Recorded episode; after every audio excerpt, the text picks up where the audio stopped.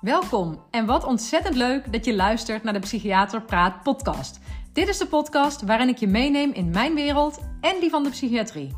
En je zult zien dat ook dat een wereld is die gaat over hele gewone mensen. Mijn naam is Wieneke Gerrits en ik ben psychiater. Ik ga ervaringen en verhalen vertellen uit mijn persoonlijke leven en uit het leven van mijn patiënten. Laat je raken, inspireren, motiveren of gewoon een hart onder de riem steken.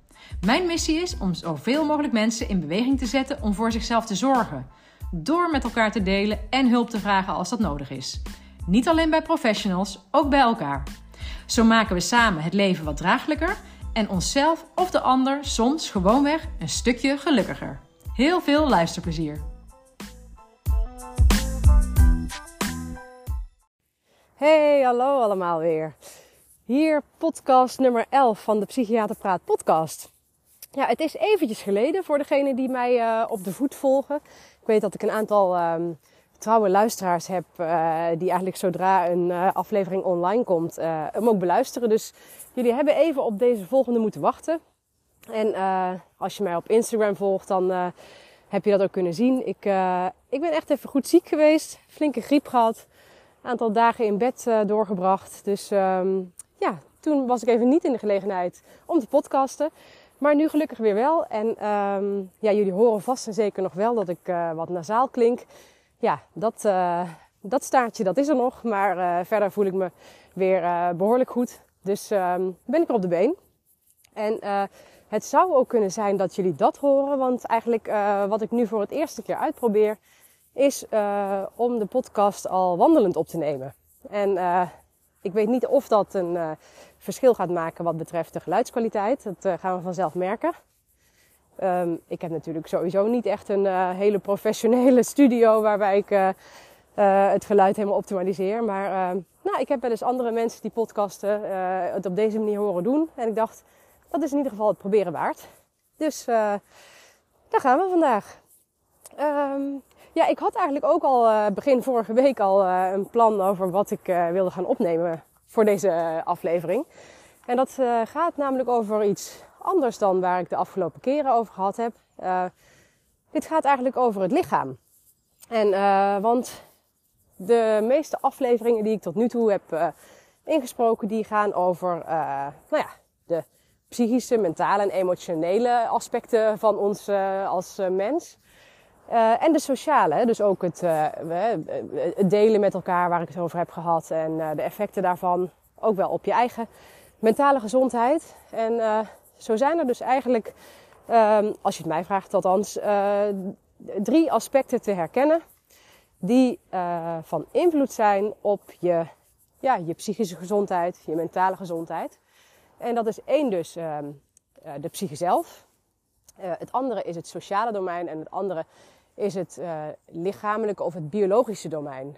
En um, ja, wat uh, het, het, biologische domein noem ik dat, omdat dat ook, zoals wij in de geneeskunde worden opgeleid, wordt genoemd. Dan heb je het eigenlijk over het bio-psychosociaal model. Dat zijn dus de drie elementen die, die te bestuderen zijn rondom een ziekte. En die ook van invloed zijn daarop. En waar dus ook de aanknopingspunten zitten voor het behandelen daarvan. Nou, uh, het lichaam heb ik eigenlijk tot nu toe nog niet echt besproken. Uh, en is toch wel enorm relevant. Uh, en ik had vorige week, op een dag dat ik me beter voelde, een, een coachgesprek met iemand. En ik zal dat verder gewoon anoniem houden natuurlijk. Maar als diegene luistert, weet ze dat ik het over haar heb. Ik had een coachgesprek met haar en um, maar zij was ook zelf bekend uh, binnen de GGZ, de geestelijke gezondheidszorg, omdat zij wel uh, mentale problemen heeft. En, maar daar, was, daar behandelde ik haar niet voor. Ze kwam bij mij om met de vraag van kijk eens met me mee. Ik heb een aantal beslissingen genomen. ik wil weten of ik op, het goede, op, op de goede weg zit. En dat is prettig om een, ja, een buitenstaander zeg maar, daar eens over te laten meedenken. En zij wist dus ook daar kwam ze dus ook niet voor. Zij wist ook, ik ga niet haar emotionele, mentale problemen oplossen in zo'n gesprek. Dat, dat, daar kwam ze niet voor. Maar ze, ze wilde wel wat bevestiging. En dat, um, nou, dus we hebben een beetje stilgestaan bij hoe haar leven er op dit moment uitzag. En uh, ik kon haar inderdaad bevestigen dat ze in mijn beleving op de goede weg was. Maar wat zij vertelde was dat ze, doordat ze in een fase zat met behoorlijk veel onzekerheid, behoorlijk veel angst en spanning, en ook wel wat somberheid, dat ze eigenlijk de deur niet meer echt uitkwam. En dat ze al een paar weken tijd ja, binnenshuis verbleef. Omdat ze het ook gewoon eigenlijk eng vond om andere stappen te ondernemen. Om naar buiten te gaan. Om mensen tegen te komen.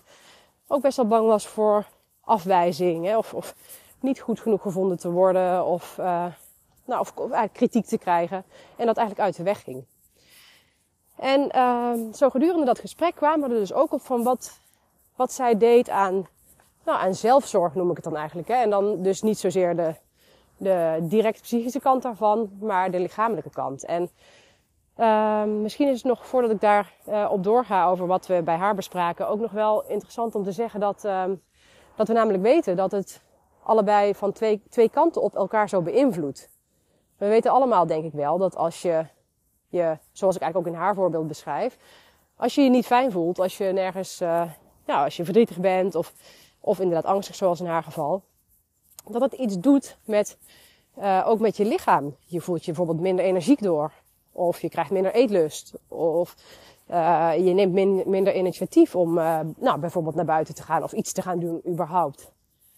En um, we, ik denk dat volgens mij iedereen die luistert zal vast en zeker ook wel herkennen dat als je een keer een slechte dag hebt, of het nou chagrijn is, of, uh, hè, of je hebt iets vervelends meegemaakt, of wat dan ook. Wat voor heel veel mensen geldt, dat als je dan zegt van nou even een nachtje goed slapen en dan zal het morgen wel weer beter voelen. En in heel veel gevallen werkt dat ook best wel goed. Dus een goede nachtrust kan eigenlijk je stemming, of hè, hoe je je voelt, ook best, best wel in positieve zin beïnvloeden. En uh, andersom is dat dan ook weer zo.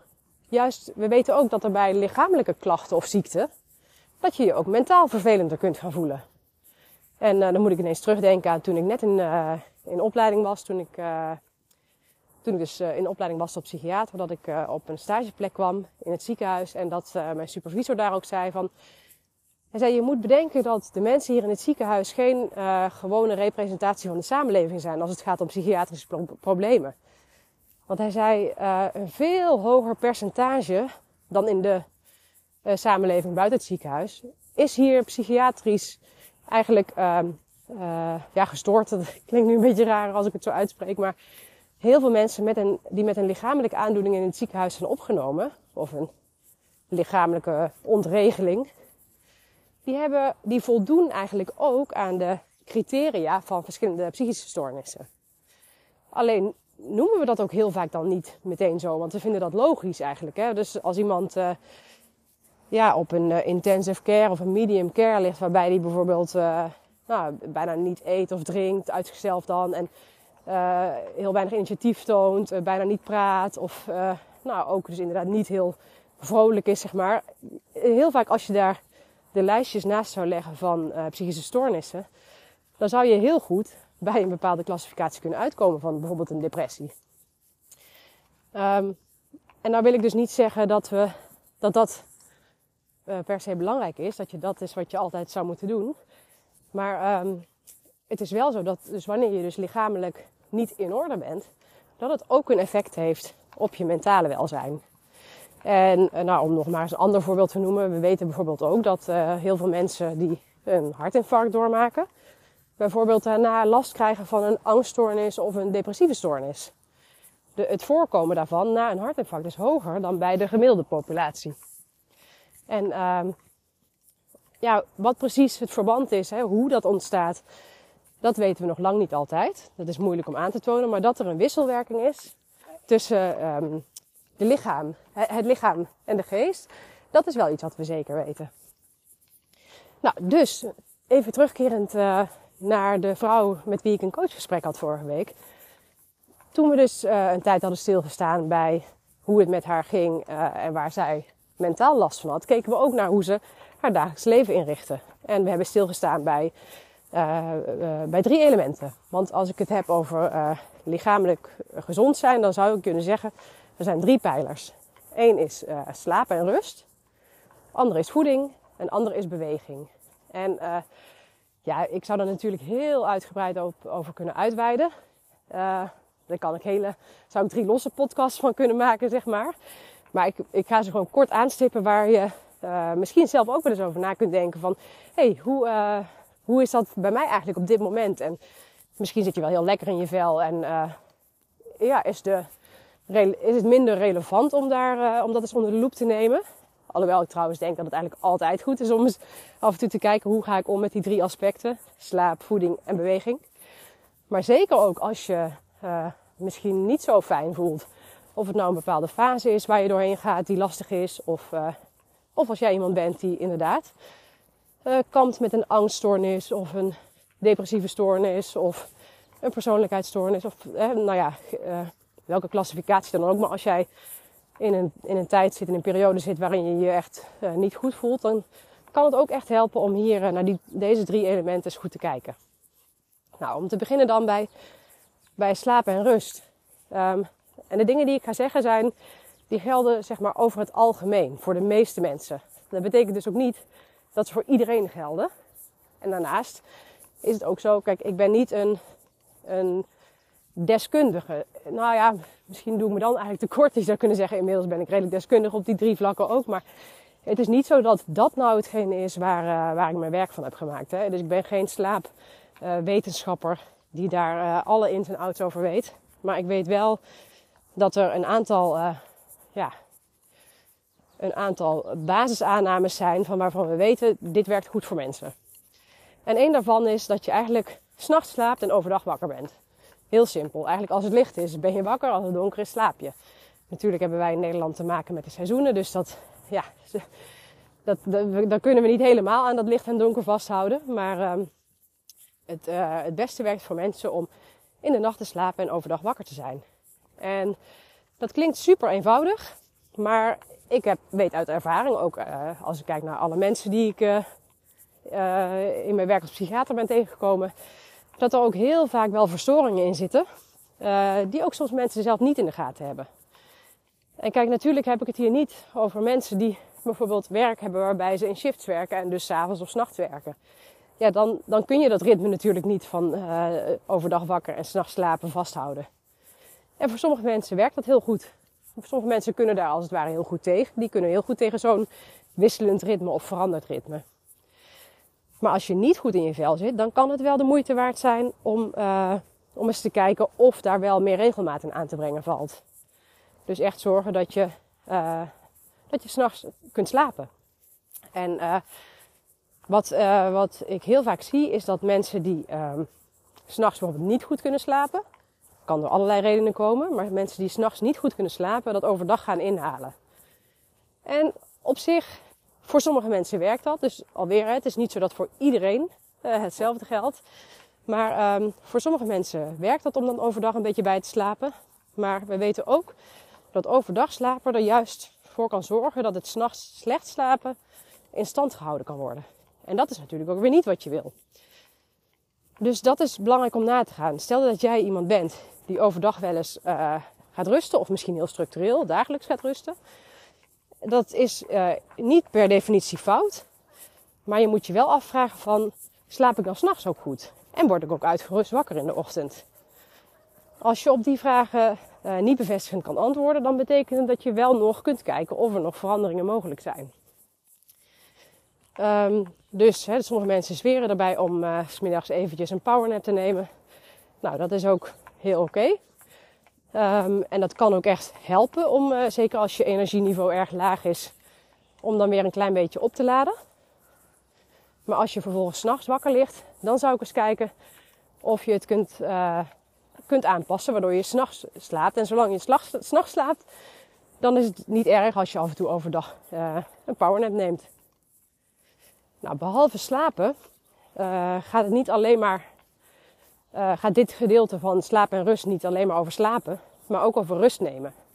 Dat betekent ook gewoon dat je op zoek moet gaan, of uh, nou ja, dat het helpend is om je energiebalans goed in, op orde te houden. En um, dat betekent dus ook dat je nadenkt over op welke manier je lichaam tot rust kan komen. En dan dus niet alleen in de vorm van slaap, maar ook gewoon in rust en bijtanken. Dus zorgen dat je geen inspanning, geen energie hoeft te leveren. En wat ik wel een heel mooi inzicht vond, was uh, dat ik zelf, nou ja, volgens mij weten veel mensen dat ook, of heb ik het wel eens ge gezegd in andere afleveringen. Ik, uh, ik wandel veel, want ik, uh, nou ja, ik heb ook een hond, dus ik loop vaak door het bos vlak bij ons huis. En dat ik op een gegeven moment, een tijdje toen ik zelf een coach had, toen toen ik het ook eigenlijk best wel zelf wat lastig had. En door, door alle omstandigheden met mijn heupproblemen en mijn werk en zoeken naar wat ik wel en niet kon. En dat zij ook aan mij vroeg van wat doe jij om rust te nemen. En toen zei ik van nou, ik wandel vaak. En dat ze me eigenlijk liet inzien van ja, maar zelfs wandelen kost ook eigenlijk inspanning. En al, ook al is het geen topsport en is het niet zo dat je dan um, ja, uh, aan het eind van zo'n wandeling helemaal uh, uitgeblust bent toch is dat niet een activiteit waarbij je lichaam helemaal tot rust komt. En het maakt dan wel uit bij dit soort dingen wat, uh, wat je basisniveau is.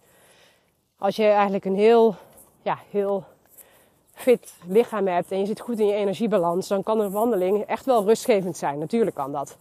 Dus um, het is niet zo dat ik nu voor pleit dat je niet moet wandelen als je niet zo energiek bent. Maar het is wel zo dat, dat, dat, het, uh, dat ik je wil aanzetten om erover na te denken van de dingen die jij doet om, uh, om te ontspannen. Of die ook daadwerkelijk ontspanning geven. Of dat zie je misschien toch nog wat kosten. En uh, ik kwam er toen eigenlijk op uit dat hetgene waar ik, echt, waar ik echt kon ontspannen, was eigenlijk als ik bijvoorbeeld in bad ging of naar de sauna of zo. Dat was echt, dan, dan hoefde ik niet te bewegen, dan kon ik echt tot rust komen. En dan voelde ik ook dat mijn lichaam echt ontspande. Nou, ehm, bij de vrouw die ik uh, voor coaching sprak, zat dat slapen eigenlijk best wel goed. Zij zei, nou, ik slaap eigenlijk wel goed. Ik slaap s'nachts, ik slaap overdag niet. En uh, ze vond het nog wel lastig om te zien van, ja, maar wat geeft me nou echt ontspanning? Dat is ook soms best wel, dan raak je die creativiteit een beetje kwijt.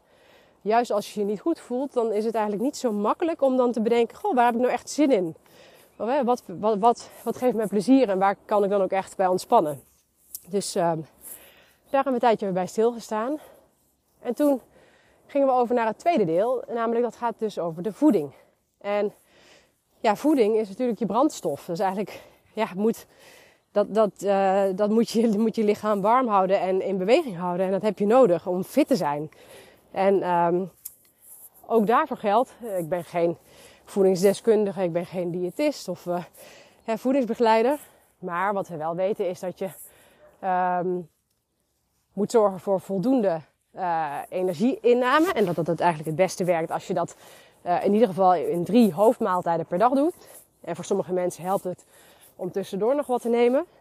Uh, is niet noodzakelijk overigens voor je hele ehm, voor je metabolisme en hoe je lichaam de voedingsstoffen verwerkt is drie keer per dag eten voldoende. En dat je natuurlijk moet zorgen dat je voeding gevarieerd is.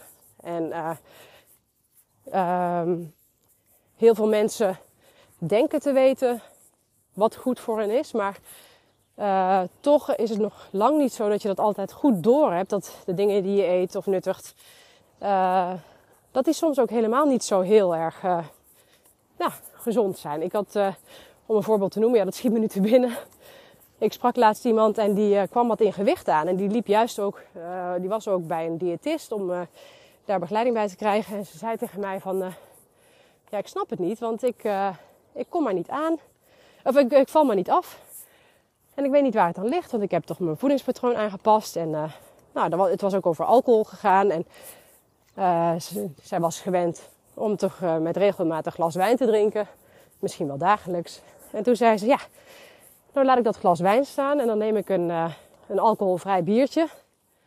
En het lijkt alsof het toch nog niet werkt. En toen, toen hadden we het ook over van wat voor calorieën zitten er in alcoholvrij biertje. Nou had zij eigenlijk gewoon niet bij stilgestaan. Zij dacht eigenlijk van nou, ik drink geen alcohol meer. Dat, dat, dat is een positieve verandering. Wat ik ook vind dat een positieve verandering is. Maar als je dan alcoholvrij bier gaat nemen, ja, er zit dan wel geen alcohol in, maar wel een heleboel calorieën. Dus zo kan het zijn dat je denkt op de goede weg te zitten, maar dat het nou ja, niet per definitie zo is. Dus zeker als je iemand bent, als je denkt van hé, hey, ik heb overgewicht en ik doe eigenlijk mijn best om uh, gewicht te verminderen, uh, dan kan het wel heel helpend zijn om eens een diëtist te bezoeken die gewoon echt met je mee kan kijken of je van dit soort onwetendheden hebt, zeg maar. Die je gewoon uh, zelf niet goed door hebt, niet goed kent. Wat helemaal niet erg is, want je hoeft geen specialist te zijn op het gebied van voeding. Maar die specialisten die zijn er wel en die kunnen heel goed met je meedenken. Maar hetzelfde geldt natuurlijk voor dat je ook voldoende moet eten. Je moet ook weer niet te weinig eten. En uh, natuurlijk zijn er ook veel mensen die juist bang zijn om uh, te krijgen. En mensen met een eetstoornis bijvoorbeeld die uh, niet een, ja, hoe moet ik dat uitdrukken? Die een beeld van zichzelf hebben wat meestal niet gedeeld wordt door hun, omgeving. Dus die zichzelf dik vinden terwijl ze in de in de algemene opvatting eigenlijk niet te dik gevonden worden. Of sterker nog, misschien wel zelfs te dun. Um, dan moet je je ook echt afvragen van... En ik weet dat het een hele... Als, je het over eetstoornissen hebt, weet ik dat we, dat we het over een hele ingewikkelde uh, situatie hebben. Die je echt niet zomaar zelf opgelost krijgt. Dus het is uh, geen verwijt naar, iemand. stel dat je luistert en je hebt hier last van. Dat is zeker geen verwijt of beschuldiging, maar weet dat je echt energie nodig hebt om te kunnen functioneren. En dus ook dat die wisselwerking er ook is. Dat als je lichaam gewoon onvoldoende krachtig is, als er onvoldoende energie in stopt, dat je dus ook lichamelijk niet uh, goed kunt functioneren, maar dat het ook zijn weerslag heeft op de psyche en op hoe je je voelt. En uh, nou ja, zeker ook als je hiermee worstelt, dan is het ook echt heel belangrijk om daar hulp bij te zoeken. Um, en voor mensen voor wie dat misschien minder een worsteling is, maar meer, uh, nou ja, die daar misschien zo af en toe wel een beetje mee stoeien. Ja, probeer echt te denken van, je, je bent het aardigst naar jezelf. Je gaat het beste met jezelf om als je zorgt dat je zelf gewoon voldoende voeding binnenkrijgt. En doe dat drie keer per dag. En zorg dat het gevarieerd is. En zorg dat er voldoende uh, uh, onbewerkte dingen bij zitten. Hè? Dus uh, groente en fruit die niet vermalen zijn tot boemboes of wat dan ook. Maar zorg dat er vers en, en gezonde dingen op tafel staan. Nou, en als laatste van de drie pijlers die ik bij het lichaam schaar. We hadden dus slaap en rust. We hadden voeding en dan hebben we beweging. En dit was eigenlijk eentje waarbij ik met mijn eh, coach-klant op uitkwam. Dat was wel een, ja, wel een leuke, zeg maar. Zij had dus best wel al een aantal weken zich thuis teruggetrokken, zoals ik al zei. Ze voelde zich niet fijn, maar vond het ook gewoon eng om de deur uit te gaan. Was bang voor ontmoetingen met andere mensen en wat daarin zou gebeuren. En dus dan deed dat bijna niet meer. Dus was eigenlijk best wel passief. En uh, ze wist wel in haar hoofd dat ze het anders zou moeten doen, maar vond het eigenlijk nog heel erg spannend. En toen we, toen we op het onderwerp bewegen kwamen, en zij vertelde zelf dat ze ook uh, last had van overgewicht, dus dat bewegen voor haar eigenlijk ook wel zou zijn. Um, toen we dus op bewegen uitkwamen, toen, toen had zij eigenlijk niet zo zich gerealiseerd dat dat ook van invloed kan zijn op die angst en op die gevoelens van, uh, nou ja, van onzekerheid. En uh, dus zo al pratende maakten we een plannetje. Of nou, niet, niet een concreet uitgewerkt plan. Want ik vond ik ook dat zij voor zichzelf moest gaan kijken wat, wat voor haar herhaalbaar was. En wat ze zou willen. Maar dat ze gewoon eens zou beginnen met ommetjes maken. En kijken hoe lang ze dat volhield. En ook zou gaan kijken nou als dat dus goed ging, of ze dat dan zo heel rustig aan af en toe wat kon uitbreiden. Dus beginnen met één keer per dag, maar misschien wel uitbreiden naar een paar keer per dag. En uh, het ook proberen in te passen in haar dagelijkse bezigheden. Dus we, we hadden het erover van, nou, waar is de winkel hè, waar je wel eens boodschappen doet en hoe ga je daar gewoonlijk heen? Nou, met de fiets 10 minuten. Nou, misschien dat als je eenmaal wat hebt opgebouwd aan uh, wandelconditie, dat je dan, uh, als je niet een te grote boodschap hoeft te doen, dat je dat dus te voet doet. En toen zei ze ook van, maar denk je dan echt dat als ik nu ga bewegen, als ik nu ga wandelen, dat ik me dan beter ga voelen? En toen ja, zei ik eigenlijk heel overtuigend meteen zo van, ja, 100 Kijk, en natuurlijk is, is, dat dan niet de enige factor die meespeelt. Dus um, zeg maar het positieve effect van het wandelen zou ook tegengewerkt kunnen worden door weer andere negatieve ervaringen hè, of andere omstandigheden. Dus ja, natuurlijk kan ik geen garanties geven. Maar ik ben er uh, ja, wel redelijk zeker van dat als zij in haar situatie meer buiten de deur zou gaan komen en in beweging zou komen en zich heel rustig aan fitter zou gaan voelen en misschien gewoon weer wat meer onder de mensen zou komen, dat ze zich zeker daardoor ook beter kan gaan voelen. En het was voor haar echt een eye-opener. Waardoor ze eigenlijk ook, uh, tenminste, zo leek, ik dat aan haar te kunnen aflezen, daar ook eigenlijk wat meer zin in kreeg om dat te doen. Omdat ze dacht, hé, hey, dit gaat me echt helpen. En zoals ik al zei, ze vertelde dat ze overgewicht had. Dus um, ik zei ook tegen haar van ja, het is niet zo dat je moet sporten om af te vallen. Als je begint met wandelen en je zou dat inderdaad nou, rustig aan kunnen opbouwen, dus zodat je dat dagelijks doet. En uh, nou ja, stel nou bijvoorbeeld dat je op twee keer per dag een half uur wandelen uitkomt of zo. Ja, ik noem maar wat, want dat kan voor iedereen verschillen wat, wat haalbaar is en wat wenselijk is en past in je dagritme. Maar als je dat gaat doen, dan ben ik er ook van overtuigd dat, mits je ook wel op je uh, voedingspatroon let, dat je daar ook gewicht mee kunt verliezen. En uh, nou ja, dus dat was voor haar wel uh, in ieder geval zo te zien een motivatie om dat op zijn minst te gaan proberen. En nou ja, zo weten we natuurlijk eigenlijk, nou tenminste dat denk ik. Ik denk dat we allemaal weten dat dat beweging gewoon heel belangrijk is. En wat je al heel veel ziet in, in leefstijlprogramma's die bij verschillende lichamelijke aandoeningen worden aangeboden tegenwoordig. En ook, ook vergoed worden. Dus dat wil zeggen dat de verzekeraar ook weet van, oh, dit is een effectieve behandeling. Um, nou, zoals bijvoorbeeld tegen hart- en vaatziekten zijn hele behandelprogramma's, leefstijlprogramma's opgericht. Die ook te maken hebben met voeding en bewegen. En hoe je dat in je gewone leefstijl, zeg maar, dus gewoon in je dagelijkse in je dagelijkse leven kunt inpassen. En uh, ja, dat is dan een voorbeeld wat gaat over, uh, wat ik noem over hart- en vaatziekten. Maar dat geldt dus ook voor uh, psychische stoornissen. Ik, ik geloof er echt in dat, en ik ben daar helemaal niet alleen in. Ik ben er ook echt geen pionier in hoor. Er zijn echt heel veel mensen, heel veel collega's van mij die daar ook mee bezig zijn. Maar ik geloof er heel erg in dat leefstijl en dus deze zelfzorg, ook deze lichamelijke zelfzorg, een enorm groot effect kunnen hebben op psychische stoornissen. En ik heb een tijd in het werk wat ik deed. Ik heb best wel vaak verteld dat ik veel aan psychotherapeutische behandeling doe. Um, dat betekent overigens helemaal niet dat ik geen medicamenteuze behandeling ehm, geef. Of dat ik daar niet achter sta. Integendeel, ik ben daar echt een voorstander van. Omdat het in heel veel situaties echt heel erg goed kan helpen.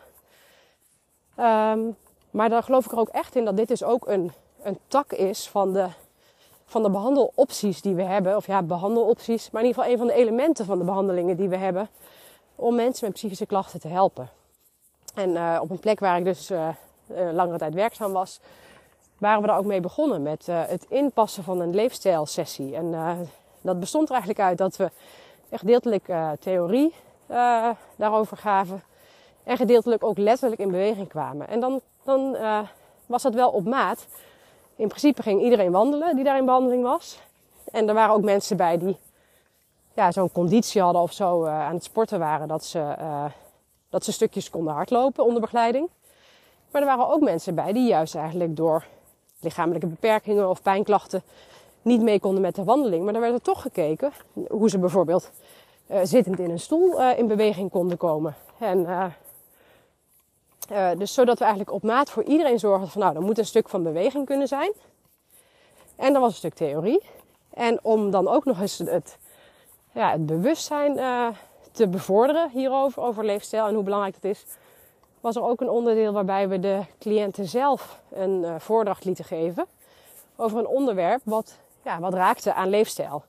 En dan mocht zij zelf uitzoeken en dat ging, dat ging dus onder andere soms over voeding, uh, over dingen die te maken hadden met sport, maar ook bijvoorbeeld over seks. Of allerlei zaken die te maken hadden met goed in je vel zitten, goed voor jezelf zorgen.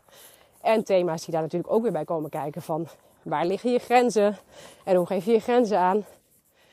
Dus het leefstijl verweven in de behandeling, ja, daar, daar geloof ik echt in. Dat, dat is volgens mij echt een, een heel belangrijk onderdeel van wat wij in de geestelijke gezondheidszorg uh, moeten bieden. En waar ik het nu nog helemaal niet over heb gehad trouwens, is middelengebruik bijvoorbeeld. En met middelengebruik bedoel ik dan alcohol en drugs en, uh, en tabak.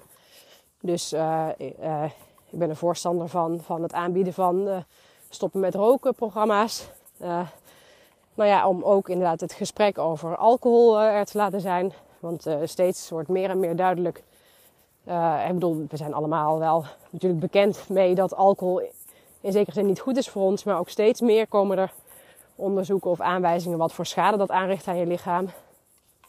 Um, en net zoals drugs, uh, hè, dat is ook uh, uh, schadelijk. Dus um, ik denk dat we al deze zaken moeten verweven in onze behandelingen. ons, ons, als dokters en als therapeuten bewust van moeten zijn wat de impact daarvan is. En onze cliënten daarin mee moeten nemen. En dan is er niet één voorschrift daar ben ik ook niet echt een voorstander van. Maar je kunt altijd in je eigen situatie nagaan waar op welk punt je misschien verbetering kunt aanbrengen. En, want daar hoef je geen patiënt voor te zijn. Ik, uh, ik ben daar in mijn dagelijks leven ook vaak mee bezig. Ik was het afgelopen week, zoals ik uh, in het begin al zei, was ik ziek. En ik heb echt een aantal dagen in bed gelegen. Dat, uh, ja, dat ging ook niet echt anders. En dan wil mijn hoofd wel door. En ik had bijvoorbeeld heel veel zin om te podcasten. Maar ja, dan moet ik toch tegen mezelf zeggen: ja, levert me dat nu wat op of kost het me wat? past het bij de situatie waar ik nu in zit? En ondanks dat ik iets anders eigenlijk wilde, ben ik in bed blijven liggen. En um, ja, heb ik eigenlijk heel wat dingen uit mijn handen laten vallen. En uh, heel af en toe, uh, toen, het, toen ik me iets beter voelde, uh, ging ik weer een klein rondje lopen met de hond. Maar niet zo'n lange wandeling als ik eigenlijk gewend ben dan maak ik hem toch wat korter. Omdat ik weet, ja, buitenlucht zal me goed doen. dus dat is ook gewoon positief. Maar als ik nu meteen drie kwartier ga wandelen nadat ik een aantal dagen in bed heb gelegen, dat is waarschijnlijk ook ineens te veel. Dus eigenlijk uh, is dat iets wat voor mij heel natuurlijk is om in mijn dagelijks leven me bewust van te zijn. Van dat rusten, voeding en beweging. En ik hoop jullie daar misschien ook wat mee, uh, mee aan te sporen. Dat, uh, dat je daar ook eens naar kunt gaan kijken van... hé, hey, hoe doe ik dat eigenlijk? En hou ik goed rekening met mezelf. En uh, juist ook op momenten dat het even wat minder gaat... of dat je wat meer vermoeid bent... denk dan eens actief na over of je, of je iets kunt doen op een van die drie punten. Of je voldoende nadenkt over of je voldoende rust neemt... of dat je misschien eens wat vroeger naar bed moet... Of, om, of je misschien uh, vergeet te eten of zo. Hè, in hele drukke tijden. Dat je wel eens denkt van, uh, oh dat komt straks wel. Of dat je even vooral die snelle hap neemt. Maar dat je je kunt afvragen van, ja, voed ik mijn lichaam daar goed mee? En als je heel druk bent bijvoorbeeld. Of je zit misschien tegen een, uh, tegen een burn-out aan. Neem dan misschien eens af en toe even toch nog eens die extra pauze. Terwijl het voelt alsof het niet kan. En zolang je lichaam fit genoeg is, Maak dan bijvoorbeeld eens in zo'n pauze een klein wandelingetje in plaats van dat je in de kantine gaat zitten.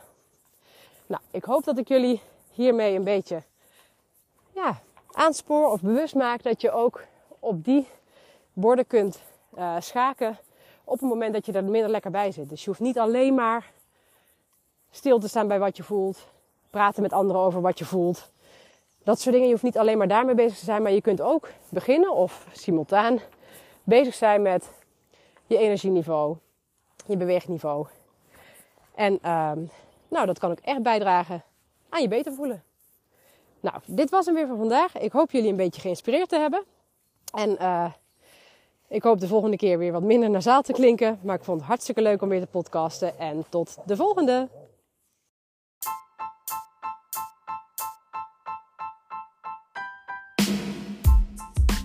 Ha, ik vind het echt super leuk dat je mijn aflevering beluisterd hebt. En nogmaals, heel erg bedankt daarvoor. Hopelijk heeft het je ook aangesproken. En wil je me dat laten weten? Dat kan via mail naar info.wienekegerrits.nl, een bericht via Instagram, waar ik te vinden ben onder wieneke underscore of op LinkedIn onder mijn eigen naam. Ik vind het heel leuk om ook jou beter te leren kennen en te weten wie er luistert. Jij kunt ook anderen inspireren door mij te taggen, bijvoorbeeld in je stories of je feed op Instagram. En wat jij van mij kunt doen, is in jouw podcast-app waar je deze beluistert een review achterlaten. Bijvoorbeeld een aantal sterren. Wil je dat doen? Zo kom ik erachter of en hoe mijn podcast gewaardeerd wordt en wordt hij beter vindbaar voor anderen. Overigens kun je je ook abonneren op deze podcast in je app. Hoe dat per app werkt, weet ik niet precies, maar vaak is er een knop subscribe, abonneren of volgen en dan krijg je automatisch een berichtje of in je app te zien als ik een nieuwe aflevering heb geplaatst. Maar nogmaals, super, super, super dank en tot de volgende!